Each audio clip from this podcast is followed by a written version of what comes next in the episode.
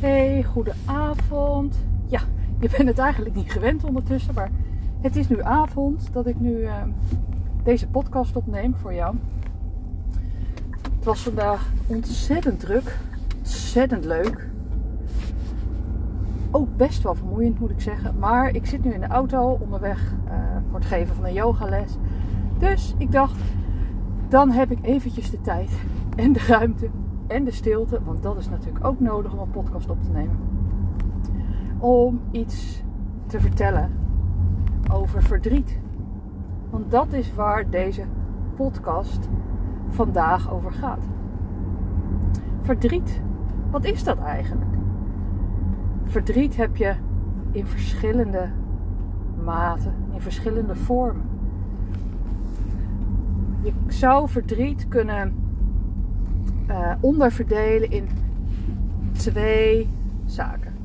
Verdriet als een teleurstelling en verdriet als rouw. En als we eventjes beginnen bij die teleurstelling. Verdriet als teleurstelling.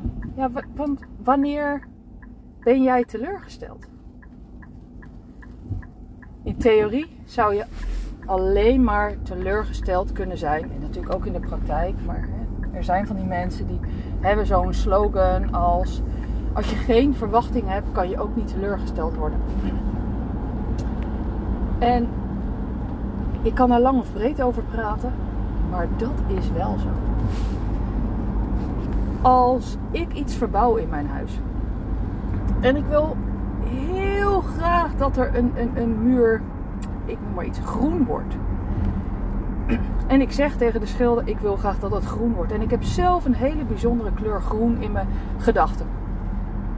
De schilder heeft dat waarschijnlijk ook. Ons referentiekader, onze ervaringen komen hoogstwaarschijnlijk niet overeen. Dus ik ga werken, ik kom thuis en ik ben teleurgesteld. Want wat zit er nou voor kleur op die muur? Ja, het is een kleur groen, maar dat was niet de kleur die ik wilde. Ik zou dan de schilder kunnen bellen en de schilder zegt: Ja, maar je wilde toch groen? Ja. Als je verwachtingen hebt, spreek ze dan uit. Spreek ze uit naar degene tegenover of van wie je de verwachtingen hebt. Spreek verwachtingen uit in een relatie. Niet alleen in een partnerrelatie, maar ook zeker in, in relaties naar vrienden. En voorkom verdriet. Als jou iets is aangedaan in het verleden waardoor jouw vertrouwen in anderen is beschaamd. En jij praat daar niet over met anderen. Jij geeft hier geen openheid van zaken in. En ik, ik zeg natuurlijk niet nu dat je alles op tafel moet leggen. Maar wil jij uh, dat andere mensen weten hoe ze een klein beetje met jou om moeten gaan, dan zou je daar iets over moeten delen met de ander. Als je bijvoorbeeld, um, nou, er, is, er is iets gebeurd in het verleden en um, jullie, jullie gaan, gaan uit, jullie hebben een leuke avond met een andere vriendengroep. Hè? Laten we ervan uitgaan dat diegene die dat bij jou heeft gedaan al lang niet meer in je leven is. Je hebt een leuke avond, maar om heel eerlijk te zijn, is dit bijvoorbeeld de eerste keer weer dat je, dat je, dat je, dat je uitgaat. Of de eerste keer dat je weer ergens naartoe gaat. Of iets in die trant. Dan zou ik me zo kunnen voorstellen dat je wat terughoudend ben. Dat je uh, op je hoede bent. Dat uh, je na één wijntje zegt: nee, nee, ik hoef niet meer, want je, want je wil helder blijven. Andere mensen verwachten van jou, als je niet hebt verteld wat er aan de hand is, verwachten andere mensen van jou: oh, die gaat gezellig meefeesten, leuk, gezellig. En uh, het is net zo gezellig als thuis. Maar als jij dat niet doet, kunnen zij denken: het is er aan de hand. Nou, de avond verloopt gestaag. Het is niet zo gezellig. En ook jouw stemming heeft invloed op de stemming van je gezelschap. En eenmaal thuis heb je daar last van. jouw verwachtingen waren anders. Maar ook de verwachtingen van jouw vrienden naar jou of naar de avond waren anders. Het zou zomaar zo kunnen zijn. Hè? Dit is, is niet iets wat ik verzin. Dit is ook wel een casussen die ik meermaals hoor in mijn praktijk. Dat, dat, um, dat jouw vriendengroep of de mensen met wie je die avond uit bent gegaan, dat die jou de komende tijd niet meer bellen. En jij snapt dat niet. Waarom nou niet? Want ja, ik ben toch mee geweest. Uiteindelijk neemt die teleurstelling maakt plaats voor verdriet. Want wat is er hier nu gebeurd? Heeft dit nu, heeft deze avond er nu voor gezorgd dat er een kink in de kabel is gekomen bij deze vriendschap? Verdriet in de vorm van rouw. Van verwachting naar rouw. Je raakt iets kwijt of je denkt iets kwijt te raken. En dat is gelijk een mooi bruggetje naar verdriet om rouw. Iedereen heeft wel eens meegemaakt dat er iemand is overleden. Zijn of haar omgeving. Iemand waar je veel van hield. Of waar je misschien nog steeds veel van houdt. Verdriet omdat die persoon niet meer dichtbij je is. Verdriet om het ja, fysieke gemis. Maar er is ook verdriet als je het hebt over rouw als je Ehm, bijvoorbeeld ziek bent. Als je een been moet amputeren of een arm. Maar wat denk je van verdriet, de vorm van rouw, als jij een kind hebt gekregen met een beperking? Jij wordt zelf ouder, kind heeft altijd thuis gewoond. Op een gegeven moment kan jij de zorg voor dit kind niet meer aan. Of voor een partner. Helaas zal je op een gegeven moment moeten doen besluiten om dit kind of deze partner naar een instelling te brengen. Daar waar het 24 uur per dag verzorgd wordt.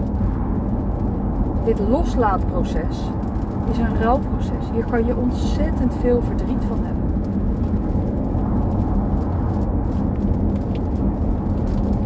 En ik wil graag dat je eens bij jezelf nagaat wat voor een soorten verdriet ken jij?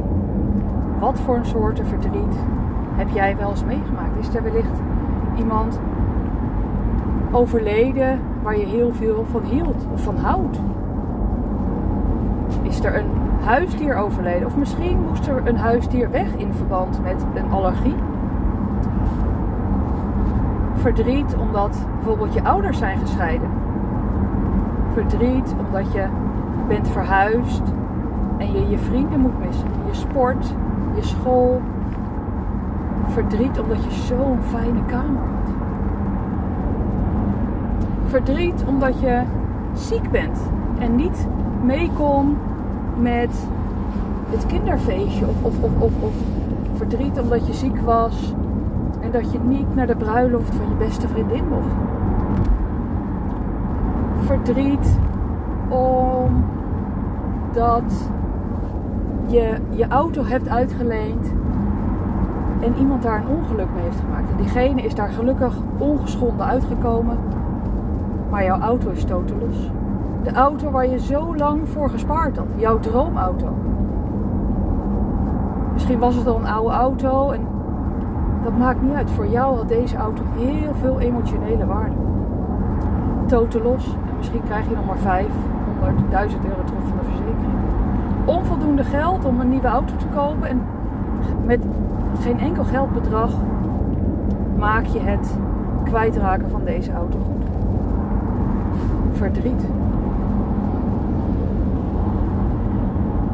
En wat ik net niet heb aangegeven is dat er natuurlijk nog een derde manier van verdriet is. En dat is het verdriet wat jij mogelijk de ander aandoet. Misschien ken je het wel. Je bent moe, zagrijnig.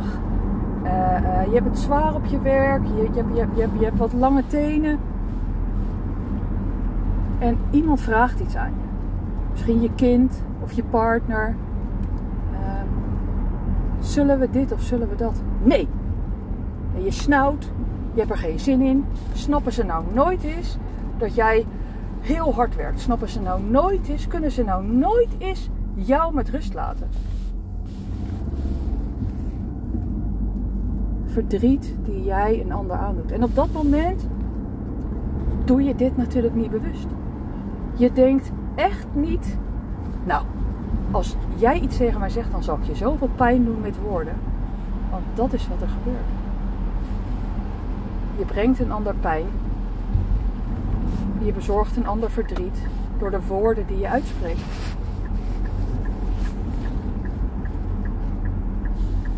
Hoe maak je dat goed? Als je dit al goed wilt maken, hè? Want er zijn natuurlijk meer dan genoeg momenten waarop je kan zeggen van nou, diegene heeft het verdiend, ik ga dit helemaal niet goed maken. Maar je kinderen, je partner, je ouders, je beste vriendin of je beste vriend, die moet jou helemaal geen verdriet willen doen. En ook dit heeft weer te maken met het uitspreken van verwachting. Als jij een drukke dag hebt gehad op je werk. Ze hebben alles op je bureau neergelegd. Het was hectisch. Je moest wellicht overwerken. Je komt thuis en, en eigenlijk denk je, ik wil eigenlijk alleen maar op de bank liggen met met met een glas wijn. Een stuk Tony Chocoloni. Chocola. En dat eten, het kan me allemaal gestolen worden. En misschien, heel misschien, heb je stiekem de verwachting dat omdat jij laat thuis bent, dat er wel iemand voor je heeft gekookt. Maar nee, natuurlijk niets is minder waar.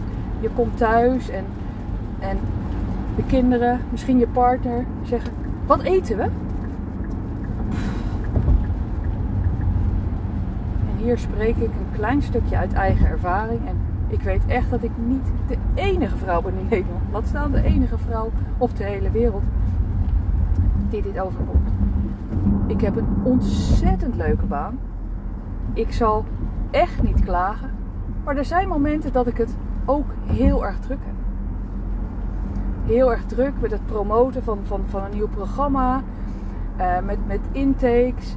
Eh, met, met, met yogalessen die ik, die ik ook nog geef. En andere zaken. Eh, soms huisbezoeken die ik afleg. En als het dan op zo'n dag is waarbij alles tegelijkertijd moet. Dat ik veel in de auto heb gezeten. En dat ik dan ook nog in de file stond. Als ik dan om, nou, ik noem maar iets, half zeven, kwart voor zeven of zeven uur thuis kom. ik hoef s'avonds de deur niet meer uit. En ik sta nog in de gang met mijn jas aan. En de kinderen zeggen, wat eten we? Nou, je kan je wellicht voorstellen dat hoe graag ik dan ook tot 10 wil tellen, ik soms niet eens tot 2 kom.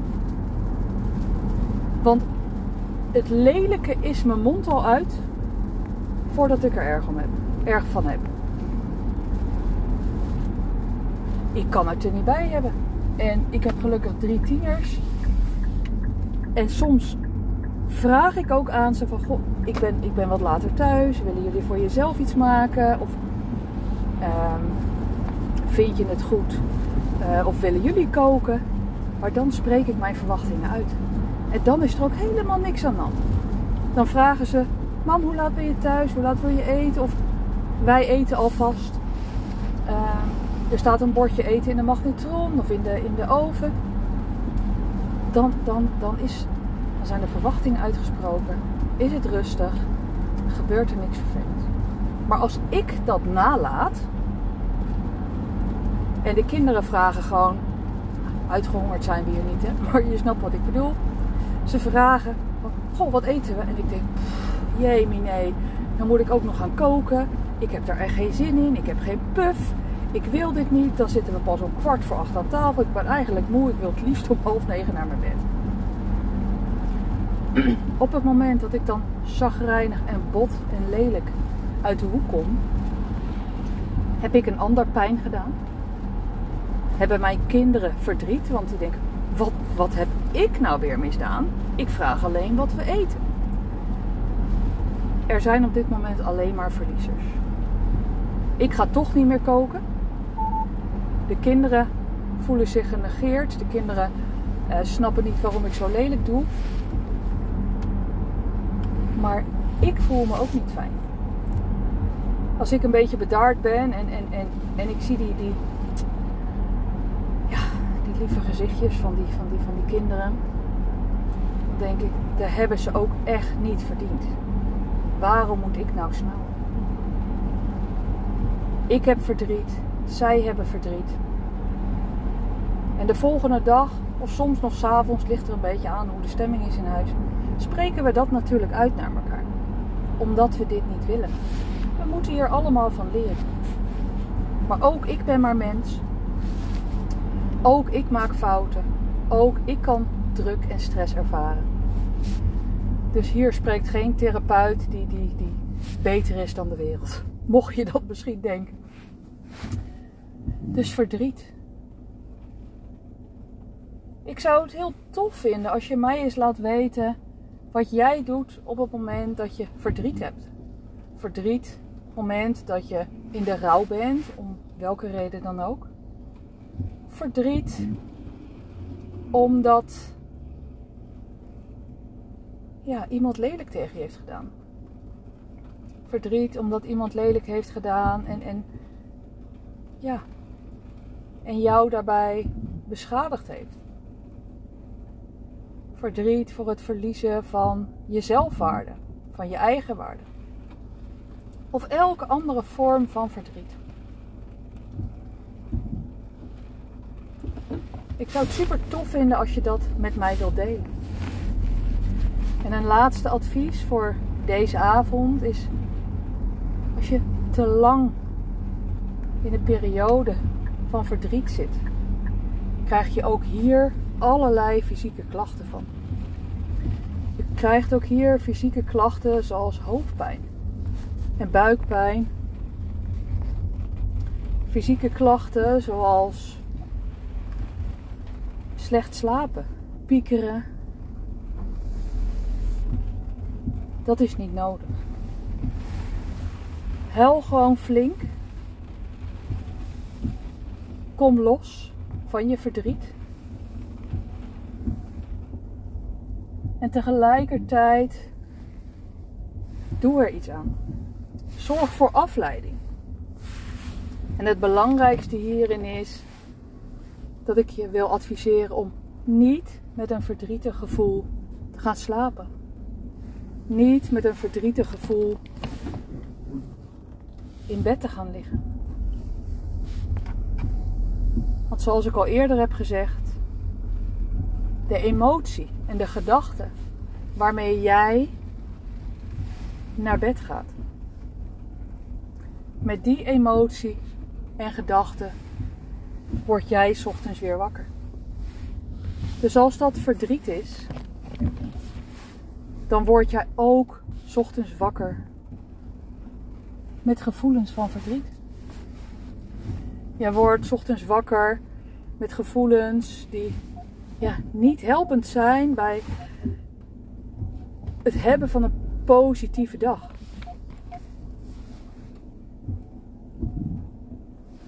Nogmaals, nodig je uit om eens met mij te delen welke acties jij onderneemt op het moment dat jij verdrietig bent. Welke acties jij onderneemt. Ja. Als je last hebt van deze verdrietige emotie of van teleurstelling. Zou je mij dat willen laten weten door te reageren op deze podcast of door mij een mailtje te sturen naar info.groeienmeer.nl Ik zou het super tof vinden. Of laat in het algemeenheid weten wat je van deze podcast vindt. Ik dank je weer voor het luisteren en voor nu wens ik jou een hele fijne avond of een hele fijne dag. En tot morgen. Doeg!